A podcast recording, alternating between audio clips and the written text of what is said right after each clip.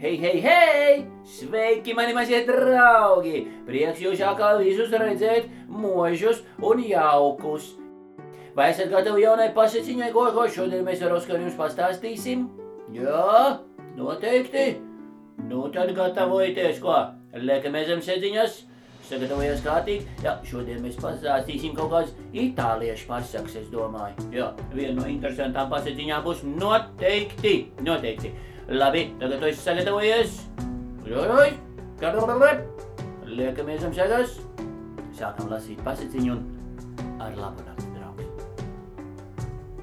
Uguns, ūdens un gods. Visam, kas stāstīts šai pasakā, varat arī neticēt. Tomēr noklausieties līdz beigām un paši pārliecināsieties, ka tā ir vispamācošākā pasaka, kādu jebkad nācies dzirdēt. Reiz uz ceļa satikās uguns un ūdens.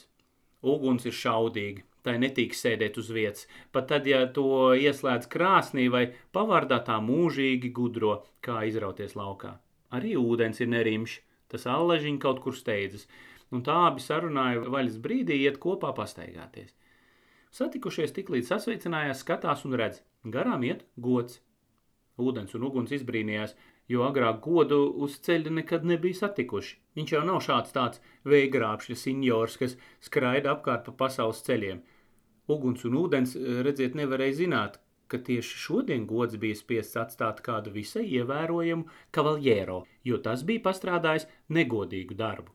Senjor gods, uguns un ūdens viņu uzrunāja, vai jūs neparādītu mums godu un nepiebiedrotos mums? Mēs esam sadomājuši iet pastaigāties. Mm, pateicos par uzaicinājumu, gods atbildēja.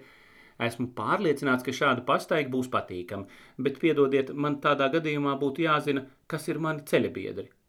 O, par to jūs varat būt mierīgs, senjor gods. Ūdens ieburbuļojās.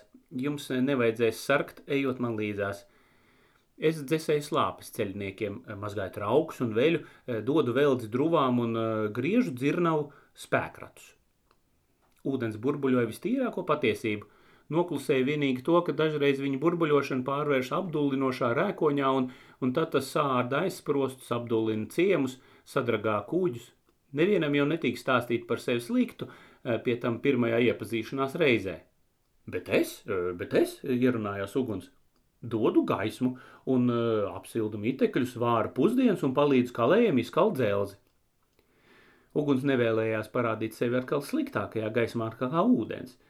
Mm, tāpēc arī viņš šo to noklusēja, piemēram, neteica, ka sākus trakot var nodedzināt veselu ciemu vai nākot no debesīm uzjautrinādamās pāršķelt vecu ozolu, kas būtu turējies vēl 300 gadus. Gods kaut arī no dabas diezgan piekasīgs vīrs, tomēr viegli visam noticēja un bija sajūsmā par saviem ceļabiedriem.